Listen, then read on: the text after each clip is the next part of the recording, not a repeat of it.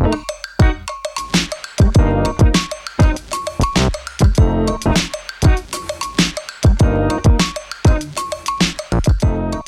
nii, tere tulemast tagasi kuulama ussikeeli, tere tulemast! tore ilus kevad on käes, soe kevad mm -hmm. ja pulmad käivad, äh, loomad ja inimesed äh, teevad huvitavaid asju.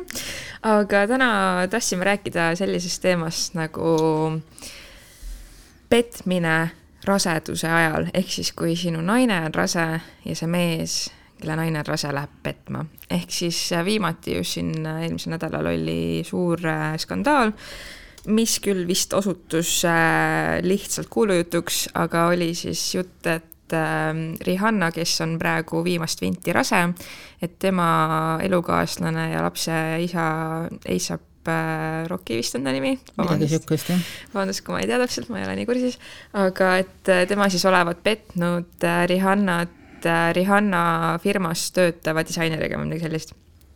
ja mm -hmm. selles suhtes, et noh, vahet ei ole, kas see jutt oli siis tõsi või ei olnud tõsi.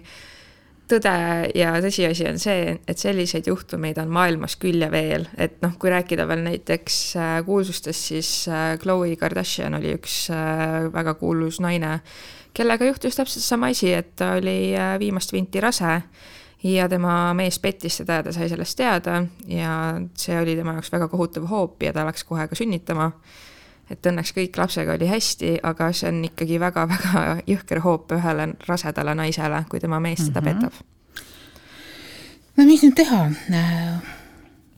ma ei tahaks rääkida mustrite kordamisest mõlema tütarlapse puhul või naisterahva puhul äh, ei ole nad silma paistnud just kõige nutikamate partneri valikutega, aga sellel hetkel, kui sul on kõht ees ja uus elu su südamel liigutab, on hilja hakata kaagutama, et, et äh, oli sul ikka siis vaja selle mehega need lapsed saada. et noh, ja, ja niisugune raske, raske asi on ka see, et, et tegelikult ei tea ükski inimene tulevikku ametlikult rohkem ette kui kaks koma viis sekundit. ja ka see on niisugune fifty-sixty ja sa ei või kunagi teada, et noh, et, et millal kellelgi kusagil põhi alt ära kaob. ja sellised situatsioonid, mis on hästi pöördelised, kus kohas on perelisa ja kus on uued järsud vastutused ja ja see võib juhtuda igasuguseid jamasid.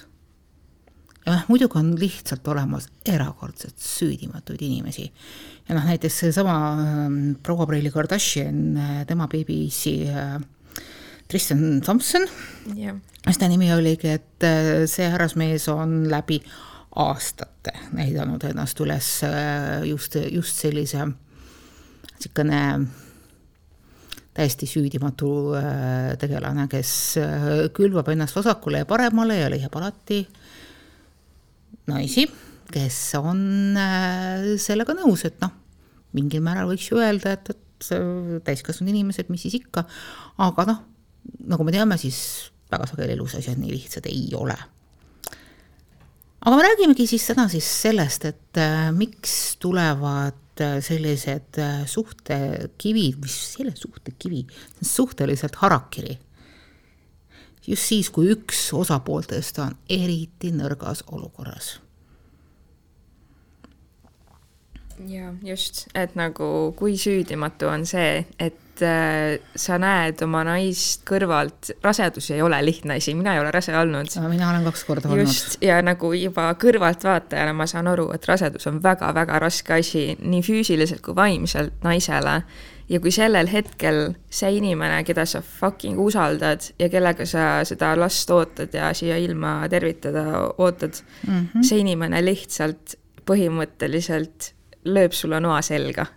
ma olen kuna ma sain seda teemat natukene äh, siin seedida, äh, Keit Seekot hoiatas mind ette, millest me kavatseme rääkida, siis, äh, siis ma tuletasin endale meelde, et mis erinevaid lugusid mina olen kuulnud, kuna meie mõlema eriala Keiduga on lugude korjamine ja seda aeg-ajalt tuleb neid kusagilt arhiivide vahest üles upitada. Ja oma esimese lapse ootamise ajal pidasin ma sellist asja nagu veebiveebipäevikut internetis. ja kui ma kirjutasin ühte posti, siis ma tahtsin kirjutada just nagu isadest äh, lapsehooldamise äh, situatsioonis, aga juhtus natukene teistmoodi või noh, mis pidi see post elama jäi, elama hakkas ma nimelt reflekt-, reflekteerisin seal ühte oma kaugemat tuttavat, väga toredat noormeest, kellel oli minu meelest täiesti tore niisugune naksakas paarisuhe, kes mingisugusel hetkel mingisuguses kõrtsis otsustas, et ta puistab mulle südant mul on üldse niisugune kummaline omadus, ma panen inimesed rääkima, eriti meesinimesed. no võib-olla sellepärast, et äh, ma pigem olen kogu aeg olnud see tüdruk, kes on noh, nii-öelda suhtes, kes on kinni, kes on, kellele saab ennast äh, avada, kellele, kelle, kelle ees ei pea näitama mingisugust nägu, eks ju. nagunii kätte ei saa, ühesõnaga järelikult ma saan temaga olla mina ise, mis on mingit pidi äh, hea ja noh, teistpidi jälle hästi traagiline. et noh, siis mujal ei saagi see aus olla või nii edasi. Nonii äh, rääkis tüüp täiesti ausalt, korraliku auru all ka muidugi, eks siin on vaja väikest julgustust ju, et, et noh, et kuidas minu mees ikka minu muutuva kehaga hakkama saab ja selle peale teatasin, et ma ei tea, et ei ole mitte mingit probleemi, et noh, kuna raadiopilti ei näita, aga noh, ma arvan, et, et enamus äh, on sellest teadlik, ma olen üsna suurt kasvu igatepidi. et äh, minu rasedused tähendasid seda, et no esimese asjana võtsin mingisugune viisteist kilo olla ja nägin nagu elu kõige paremas vormis välja aga et, et noh, et küsiti, et noh, et kuidas meil siis selle va igasuguste voodiasjandustega on ja noh, kuna ma tõsiselt olin selle inimesega ka varem väga südames, südamesse rääkinud, siis ütlesin, et, et noh, et, ma ei tea, ma ei näe probleemi, et, et noh, me oleme muidugi hästi ettevaatlikud, et noh, ses mõttes, et et, et, et noh, tuleb äh, teatavaid äh, ettevaatusabinõusid alati kasutada, kui üks pool on sedapsi, et, et päris igat hullust äh, ei tee, et oled siis nagu Keit armastab öelda ekstra vanilje aga mis mul siis, mis mul siis nagu muud üle jääb, sest et noh, et, et enesehuvid on ju ka ja minu meelest intiimsus rasedana on äärmiselt vajalik ja, ja, ja äärmiselt eluterve ja see on osa nagu elust. ja osa sellest, selle, sellest kooslusest, mis on selle lapse üldse sinna naise kõhtu pannud see mees selle peale pööritas pooldemonstratiivselt silmi ja ütles, et issand jumal ja et, et noh, et ma ikka tõsiselt imetlen teid, et no mina ei suuda. siis mis mõttes sa ei suuda? no minu naine, imeilus, imepeenike, mitte et see kelle jaoks nagu, okei okay,, tema jaoks võib-olla jah, mingisugune märk või nii. tema tahaks ka saada igat mõttes. aga kurat, ma ei suuda no ka tema see kehavormid ja nii edasi mm., no lihtsalt ei eruta ja mina mõtlen selle peale, et wow. tead, mees, praegu ma võtan selle õlletoobi ja teen sellega asju, et sa elus enam mitte ühtegi last ei saaks. huvitav, mis selle taga siis võib olla, kas selle taga võib olla nagu see nii-öelda Madonna Hoora kompleks mõnes mõttes? see mingil määral võib olla, aga ma rääkisin sellest natuke aega hiljem ka oma lapse isaga, kes äh, võttis teemat äh, väga tõsiselt ja ütles, et aga Madonna, vaata, et see ongi nagu hästi raske. see meeste jaoks topeltraske, sest et sinuga juhtuvad asjad otse. Sina koged neid, sina koged seda, kuidas elu sinus areneb, sinu sees on ühel ajal see kartus, aga on ka see rõõm ja see lubadus. ja sa kontrollid läbi selle, et sa tunnetad seda last ikkagi mingil määral rohkem olukorda. aga mehe jaoks see on, see on mingisugune selline asi, mida ta ei saa absoluutselt aru. kusagil kaugel minu armsama sees on mingisugune alien, see tulnukalaadne asjandus, mis sööb teda seest tühjemaks, justkui minu puhul see näiteks eriti hästi äh, toimis, et noh, et mida suuremaks läks mu kõht, seda rohkem sisse kukkusid mu põsed äh, ja elus, elu parim saladuskampaania wow., ma ütlen täiesti ausalt wow. aga et, et see on mehe jaoks, kes on harjunud, kelle käest on ühiskondlikult eriti, me oleme ju, Eesti on eriti niisugune väike vastik maskuliinne riik ma loodan, ma kujutan ette, kuidas see praegu läheb teatud portaalidesse pealkirjaks. tervisi neile, eks ju, poisid, ega ta muidu ei saaks ju sisu, kui meie ei annaks oh. aga et äh, kuna me oleme kippumas ses halvas mõttes olla see, olema see väikene maskuliinne tige riik, äh, toksilis maskuliinne, mul ei ole maskuliinsuse vastu midagi, nagu mul ei ole ka feminiinsuse vastu midagi, aga mõlema poole toksilised osad mulle absoluutselt ei meeldi, toksiline feminiinsus on ka shit, vabandust, jälle mm. ropendasin. näed, Keit, see mõjub mulle halvasti mõni ütleks võib-olla muidugi, et hästi. kutsud külla, jah? jaa, tule külla. Nonii no nii, lähme sauna Lähme sauna, saun läheb edasi, anname leili, ütleks, öeldakse selle kohta. nii äh,, ma nüüd soputan juurde. ühesõnaga konservatiivid läksid praegu yeah. väga kiire aga keegi pidi ju nende päevaga ära päästma, istuvad need vaesekesed laupäeval käsi põsetkil raadio ümber ja mõtlevad, no tuleks midagi head, no tuleb ju. me oh. alati anname seda head. Nonii, äh, ja ma rääkisin oma abikaasa, oma abikaasaga tulevase lapse isaga, kes ütles, et, et see on situatsioon, mida olukorda kontrollima harjutatud mees ei saa mingit pidi kontrollida, see on tema jaoks kõikide äärmuste summa. Äh, siin on su naine, keda sa armastad meeletult, sa oled temaga koos olnud sellises astmes, et sa oled lubanud, et sa oled tahtnud temaga saada last, sa oled andnud tükikese endast talle ja te olete loonud mingisuguse uue maailma, uue, uue inimese, see on nagu võimalik, noh, see on nagu väga-väga äärmuslikult äh, võimas ja müstiline. ja sa ei saa seda mingit pidi kontrollida ja sa ei saa aru, mida see teeb. ja sinu sees on korraga tohutu rõõm ja õnn, aga samas ajas, äh, samal hetkel on ka meeletu niisugune stress. ja mitte kõik inimesed ei ole nii tugevad, et nad suudavad seda stressi nagu äh, tulemusrikkalt manageerida. võib juhtuda täpselt seesama, see, kuidas see eesti keeles on, see põgene või võidav situatsioon, fight or flight, eks ju yeah.. ja mõned inimesed teatud hetkedel võivad olla nii nõrgad, et nad valivad põgenemise. ja see põgenemine võib olla ka destruktiivne käitumine. ma lähen ja tõestan, et umbes nii, et mul teiste peale ka tõuseb, vabandust väljenduste eest. ma näitan seda, et, et noh, et, et ma lähen, ümbritsen ennast hoopis teistsuguse keskkonnaga, teen hoopis mingisugust muud. suure tõenäosusega seal on terve hulk mingisuguseid tundeid uimastavaid asju, kas alkoholi või mingisuguseid äh, drooge, kurat teab mida, eks ju, millega sel hetkel äh, kaine mõistus kaevu saadetakse sügavale ära ja neiditakse kinni ka veel. järgmisel hommikul suure tõenäosusega tüüp ärkab üles, et issand jumal, kolm punkti, eks ju. Aga sel hetkel see mõistus loojub. Ja see võib ollagi põhjus, mikspärast väga sageli abitus situatsioonis naise, siiski lapsi ootavad meil naised, äh, partner, mees võib selle käigus väga sageli siis, kui see hakkab juba defineerima ennast, kui see on, noh, näha on, et ega seda kusagile enam ära ei pane, eks ju, et, et see, et, et see asi nüüd päriselt juhtub, jah, me saamegi lapse, mina saan lapse, ma ei tea, mida see tähendab, võib-olla ma ise alles mõtlen, et mina olen laps, et kuidas ma ikkagi hakkama saan. et Krister ütles, et, et, see vastutuse tunnetus et noh, meil ei olnud elu seeski niisugust tunnet, et noh, et mu mees oleks tahtnud kusagile mujale ära plagada aga ta ütles, et, et, et see vastutuse tunnetus, mis seda tabas, oli küll nagu äh, löök vastu pead, et kas ma saan sellega hakkama, kas ma, kas ma suudan sellele lapsele pakkuda sellise maailma, sellise keskkonna, mida ta vajab. ja see tekitas ikkagi päris korralikult peavalu. kas ma olen tegelikult valmis, kas maailm on valmis? selleks ma toon siia veel ühe hinge. naise jaoks võib-olla tuleb see mingil määral, aga mitte ilmtingimata, absoluutselt mitte ilmtingimata, tuleb see võib-olla naturaalsemaks, kuna tema on selle lapsega nagu esimesed üheksa kuud üks, aga mees, kes, kes on nagu mingil määral üksi jäetuna, tema ei ole ja sealt võib tulla igasuguseid lollusi.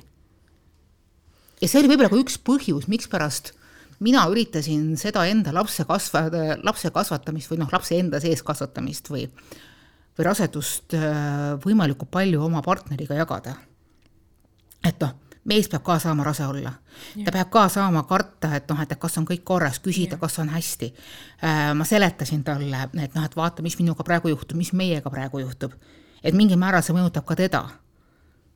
et, et, et oleks igal sammul nagu pardal mm. -hmm ja ka siis, kui laps sünnib, et, et noh, üks kõige hullemaid äh, toksilise, toksilise naiselikkuse sündroom on see, et, et niipea kui laps sünnib, siis on noh, mees, tõmba uttu Mm. see ei ole sinu asi, umbes nii, et, et sina ei oska pesta, sina ei oska riidesse panna, sina ei oska muid asju teha mm. -hmm.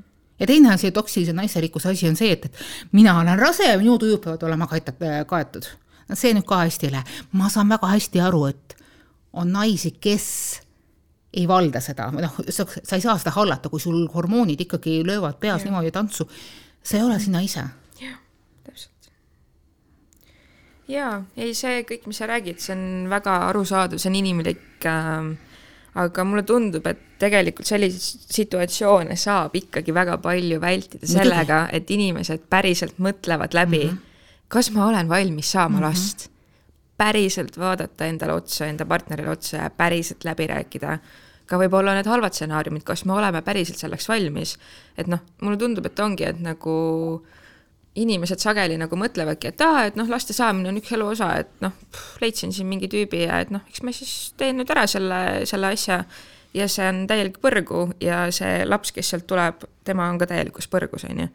et noh, mõnes mõttes isikliku kogemuse pealt seda saan rääkida, et nagu noh, ja, ja ka naisena nagu selles suhtes, et nagu ma ei taha seda vastutust panna nüüd naise peale, et tema on see, kes peab tegema nüüd sajaprotsendiliselt kindlaks, et see nagu inimene, see mees, kellega ta selle lapse saab ja selle perekonna loob, et tema peab olema nagu sajaprotsendiliselt kindel, et jaa, et see mees on õige nagu mm. -hmm, aga samas, samas on ikkagi nii palju märke ja neid punaseid lipukesi, mida saab lugeda enne, kui sa saa, hakkad saama last kellegagi.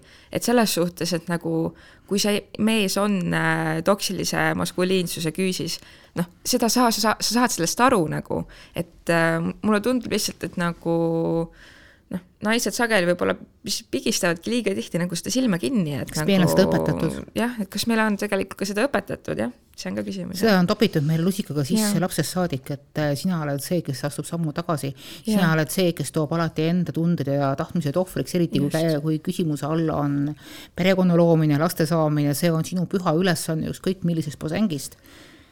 Et, äh, et noh, peaasi, et äh, sa rasedaks jääd äh, ja see, mis hiljem tuleb, see ei ole ikka oluline, küll ikka noh, no annab jumal lapse, annab ta kõik muud asjandused ka, aga see on nagu jama et noh, kogu meie äh, paarisuhtlus on hästi selline halvas mõttes äh, halva perekeskne, et, et ükskõik mis tingimustel esimese ettejuhtuvaga, peaaegu esimese ettejuhtuvaga, mitte nii hirmsasti enam kui mingi kolmkümmend aastat tagasi paari ja et noh, et, et kui tuleb lapsed, siis hambad ristis äh, kuni mm -hmm. lõpuni, selle asemel, et küsida täiesti ausalt, et et äh, kas see suhe on tegelikult perekonnamaterjal, kui ei ole, siis edasi minna. ja ma saan aru, ka selle käsitluse juures on hästi palju agasid sest ma võin enda toe kogemustest öelda, et inimesed muutuvad. see inimene, kes on olnud ühel hetkel ühtemoodi mm, -hmm. võib keskkonnamõjude, vastukäimiste, traumade, vanade asjade ilmnemise, sa ei ole mõttetulugeja, eks ju sa ju ei tea, mis inimene kunagi on üle elanud. ja kui on tulevad mingisugused halvad, noh, halvas mõttes soodsad olud langevad kokku, võib temast välja tulla poolusi, millest sa ei suutnud undki näha. et noh, kõik asjandused on alati suhtelised ja sa pead alati elama nagu ses mõttes selles momendis ja tegema oma otsuseid selle põhjalt. ja, ja samas nagu mis nagu minu arust on veits halb tegelikult on see, et äh, kogu vastutus äh, tihtipeale ikkagi langeb ja. lapse puhul naisele. ehk siis naine peab olema tegelikult ka iseendas sada protsenti kindel mm, -hmm. et jaa, et mina tahan seda last ja mina suudan üksinda kasvõi kasvatada selle lapse üles, et noh, ongi see, et nagu me ei tea, mis tulevik toob, et sa pead olema tegelikult nagu valmis selleks, et, et okei okay,, et võib-olla midagi läheb perse ja ma pean selle lapse nagu üksinda üles kasvatama, on ju. see on põhjus, mikspärast meil jäi terve põlvkond vahepeal vahele. see on põlv, see on põhjus, mikspärast äh, mina sain oma lapsed alles siis, kui mul oli viimane aeg nüüd lapsi saada mm. -hmm. sest et äh, siis, kui mina pidin oma lapsed saama äh, üheksakümnendatel, siis oli see mentaliteet ülitugev ja jumal tänatud, ma ütlen selle kohta, et äh, ta on mingil määral alati olnud. aga üheksakümnendatel oli eriti raske majanduslik aeg. ja noh, tänapäevaseid äh, toest-, toetussüsteeme, mis on emapalgad ja kõik muud niisugused toredad asjandused, äh, toona ei saanud niisuguse asja eest undki näha. keegi maksab sul kinni kolm aastat kodus istumise, issand jumal et äh, meie lükkasime teadlikult äh, selle edasi, sellepärast et me nägime, mis juhtub äh, siis, kui sa jääd selle lapsega hätta ja et sul puudub tegelikult sul tegelikult ei ole garantiisid, et, et sind välja aidatakse. ja see oli ka see periood, kus mitte keegi ei olnud rikas, et võib-olla kaheksakümnendatel oli samamoodi, et, et lapsed sündisid ainult noh, pigem emadele, aga siis oli piisavalt mingisugust mingisugust tausta vanemate seas, kes nagu aitasid oma lastel need lapsed üles kasvada, et, et noh, minu põlvkonna laps, kes on sündinud seitsmekümnendatel, kaheksakümnendatel, ongi suures osas tänu sellele oma vanemate poolt kasvatatud, oma vanavanemate poolt kasvatatud. sest et emadel oli piisavalt, emadel-isadel oli piisavalt palju jama iseenda tööga ja noh, üldse tööga, eks ju.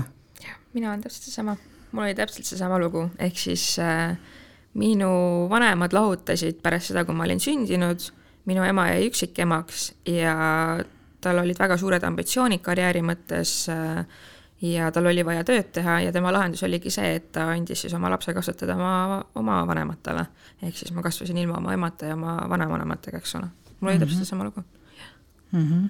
aga noh, äh, uuel vapral Eesti Vabariigi ajal üheksakümnendate esimeses-teises pooles äh, oli vanavanematel täpselt samamoodi köögamajas, eks ju.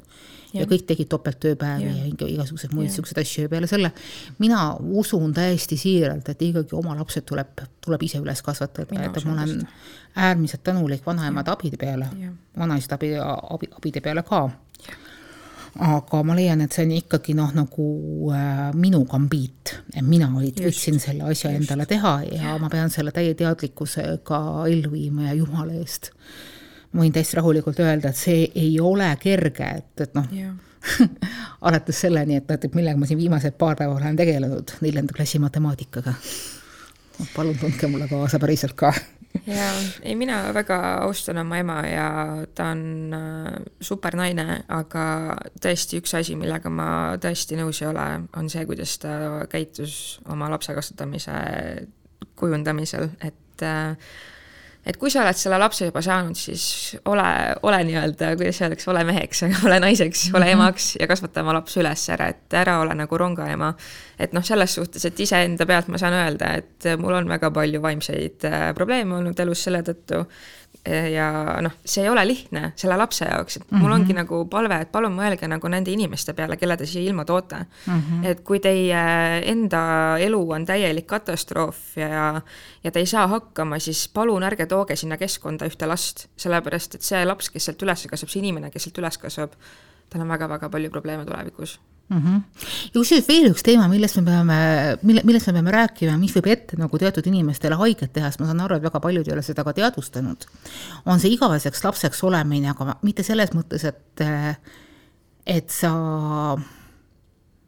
et sa kaotad ära oma loomingulisuse või et sa kaotad ära võime näha maailma puhaste silmadega või nii edasi. See on niisugune iga, noh, igaveseks toksiliseks lapseks olemine, mis ja. väga sageli tabab just mehi ja mul on väga ja. kahju selle üle ja ma palun vabandust et, eos, kui ma kedagi peaksin riivama, kes tegelikult ei ole sisemine laps, aga keda võib-olla eba, ebaausalt kusagil nimetatud, eks ju.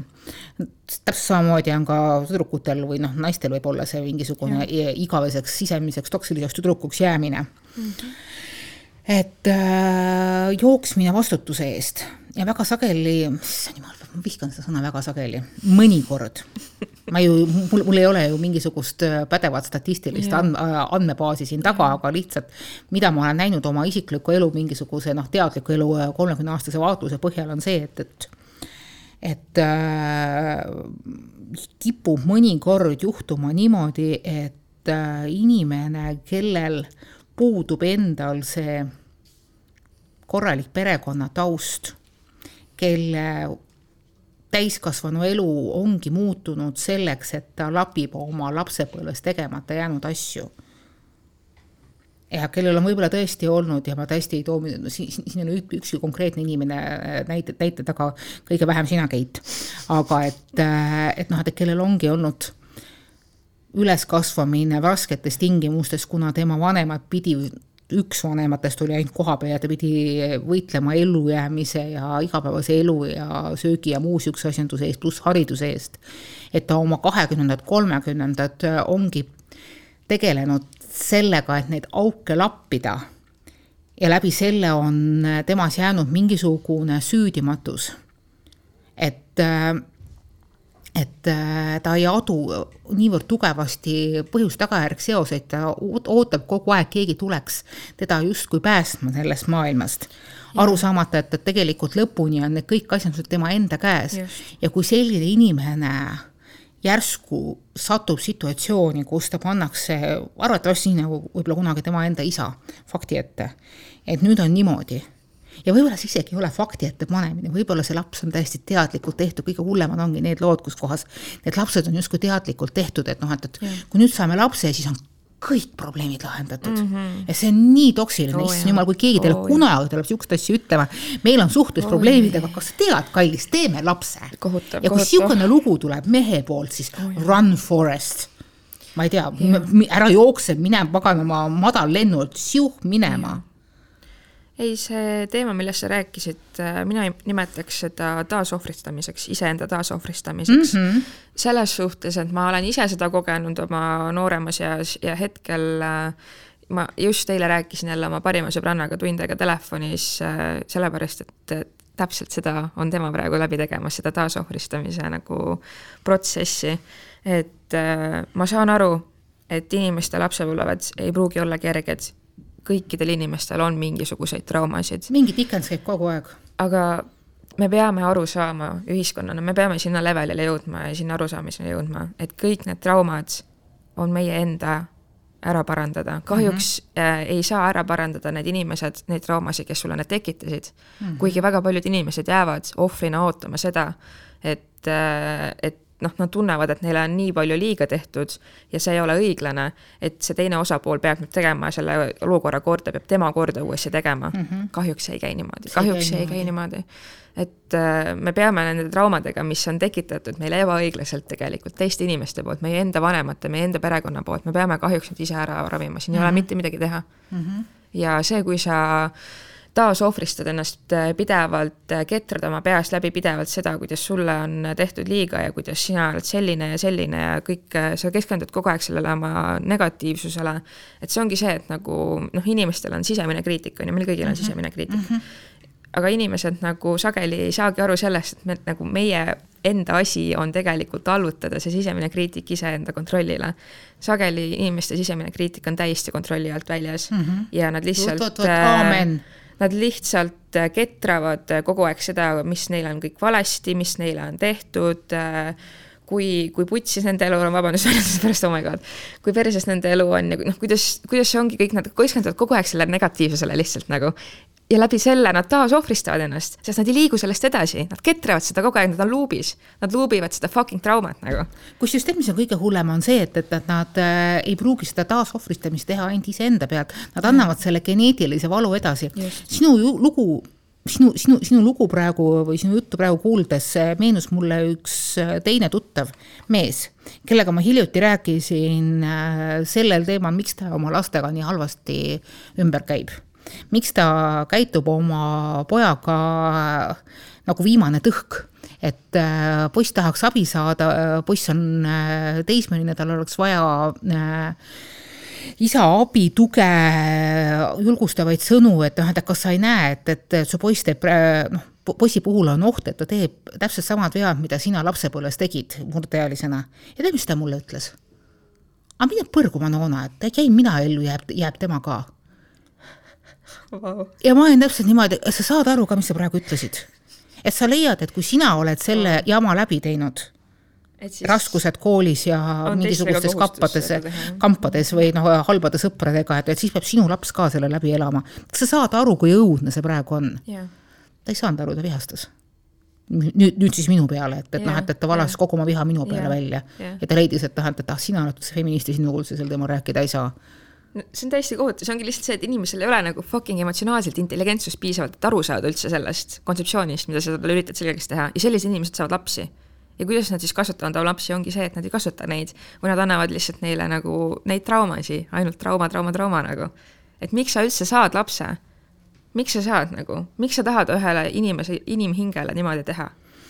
ma ei no, saa aru sellest nagu. see on see paratamatus, et, et selleks, et ma ei tea autojuhilube saada, pead sa meeleheitlikult õppima ja selleks, et, et saada teatud ametikohti pidada, pead sa saama mingisuguseid diplomeid ja muid siukseid asju.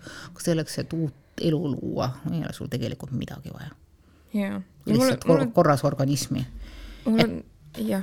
jah, mida ma tahan öelda, on see, et, et noh, jumal tänatud või mingil määral ka kahjuks küll, küla on see, mis kasvatab lapse ja, ja mul on väga hea meel, et me siiski ühiskonnana oleme muutunud toetavamaks ja et, et meil on olemas süsteeme, meil on olemas laste abisüsteeme, nad on küll mm. väga sageli peidetud, nad on metsikult ära peidetud, aga nad on siiski olemas. ja kui on võim-, noh, kui on väga vaja, kui väga tahab, siis inimesed siiski suudavad üles leida, et meil on need abi, mingisugused organisatsioonid, tegelased olemas jah, tõesti, mitte niimoodi, et keegi sulle nagu kurgust alla surub, elus on üldse vähe selliseid häid asju, mis sul kurgust alla surutakse.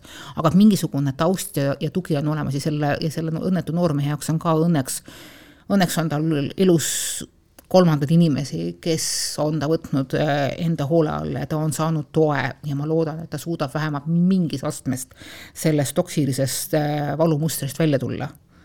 jaa, üks asi, üks repliik, mis ma tahtsin lisada mm -hmm. sinu eelmise mõtte kohta, mulle tundub inimesena, kes on sündinud üheksakümnendate keskel äh,, ma tu-, ma tundsin justkui nagu nende eelnevate põlvkondade poolt enda siis äh, perekonna pealt näiteks, on ju, kes on minust äh, põlvkond või kaks varasemalt sündinud, et nende arvates see, et nemad kannatasid, tähendab seda, et mina peaks ka tegelikult seda oh jah, tegema. väga tuttav. see on äh, üks muster või üks selline idee, mida ma juba lapsena nagu tundsin, et ma ei, ma ei saa sellest loogikast aru mm, -hmm. et kas sa tahad tõesti, et sinu laps kannataks samamoodi nagu sina, et loogiline oleks see, et sa tahad oma lapsele paremat elu, kui sul oli mm. -hmm. et äh, see on ka nagu täiesti üks äh, dissonants või error, millest ma lihtsalt ei saa aru nagu.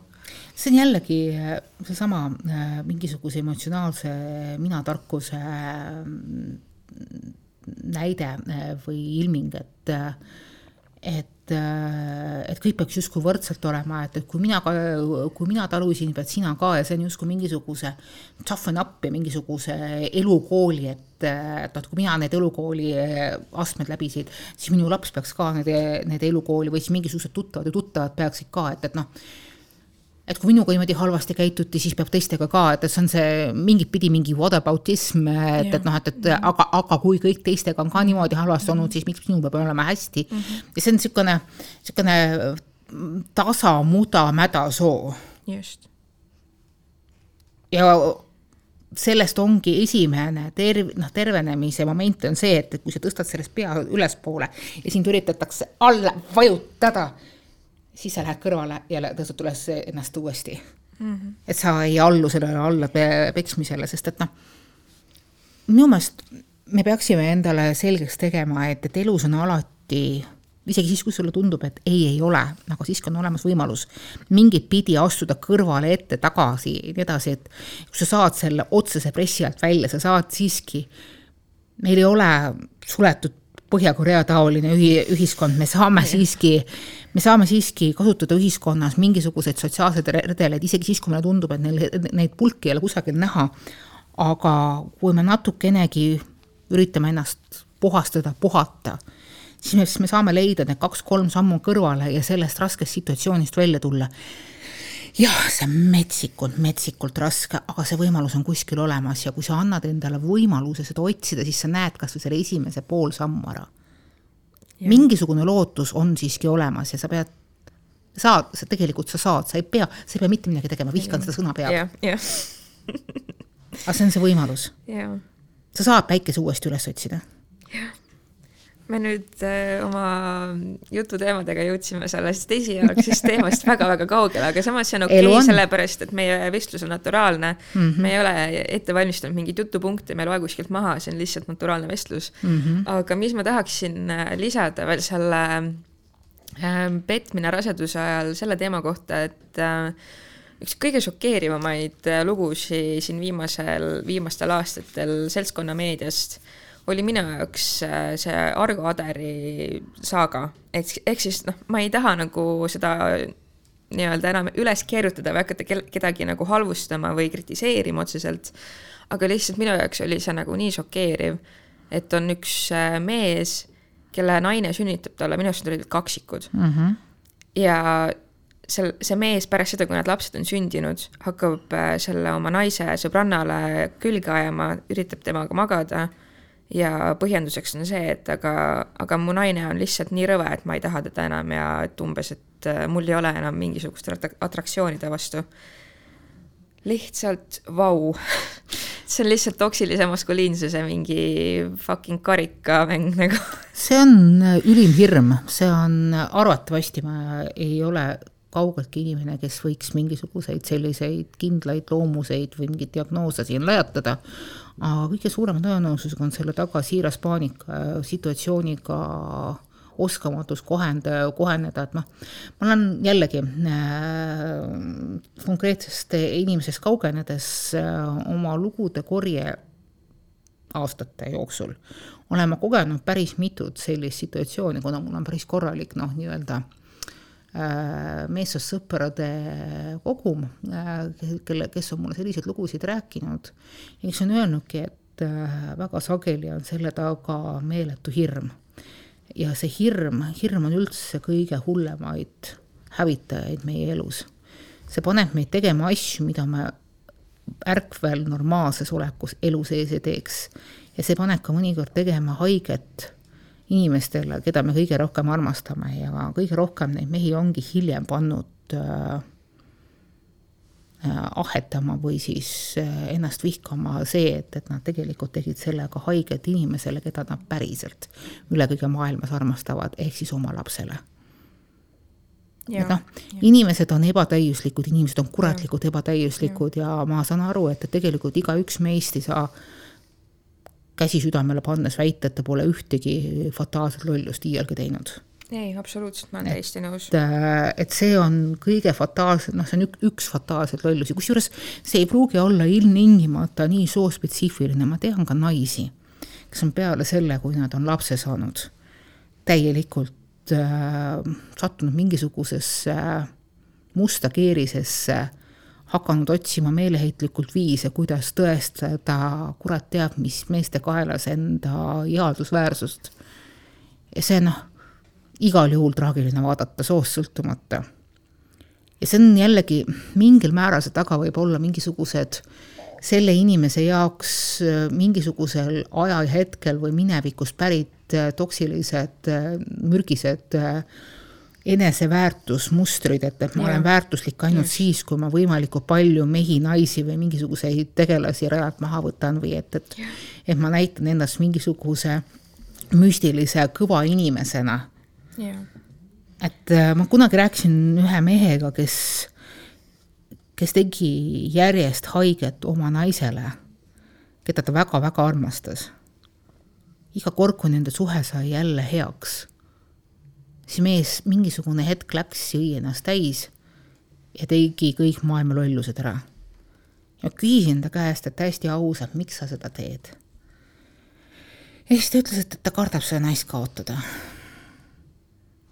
ja tead, kui palju ma siukseid lugusid olen kuulnud. mehed teevad kõike, välja arvatud fucking teraapiasse minemine nagu täiesti pekkis nagu, jah, mul on kahju sellest, aga samas üks osa minust lihtsalt mõtleb, et nagu sa oled fucking täiskasvanud mees võta vastutus. vabandust no vot, aga igatahes sellise kõrge noodiga me praegu Just. Äh, jätame inimesi mõtlema vastutuse peale ja, ja jätame ka seda mõtlema, et äh, teate, mis tegelikult, nagu ma ütlesin, et igas jamas saab välja, sa pead lihtsalt võtma esimese sammu, isegi nendest jamadest saab välja, võib-olla sa ei suuda oma perekonda tagasi saada ja võib-olla osad trahviröögid tulebki ausalt ära kanda, aga sa saad teha niimoodi, et, et ja siis, kui sinu laps tuleb sinu käest abi küsima, et, et siis sa ei ütle talle, et mina jäin ellu, siis jääd sina ka. ja, ja lapse saamine on minu arvates ülim vastutus, nii et äh, palun mõelge ratsionaalselt läbi asjad, enne kui te selle sammu astute. ja kui see samm on astutud ja see samm on tehtud ükskõik mis asjaoludel, siis äh, ole inimeseks ja kanna. just kanna oma vastutust ja hoolitse selle eest, et nagu öeldakse, buck stops here, rohkem jama edasi ei lähe. vot, need olid seekord. kirjutage siis meile palun äh, ussikeeledetõhtuleht.ee, endiselt ootame teie kirju. ja, ja palun hakake meid jälgima Facebookis ja Spotify's ja SoundCloudis ka. järgmise korrani. järgmise korrani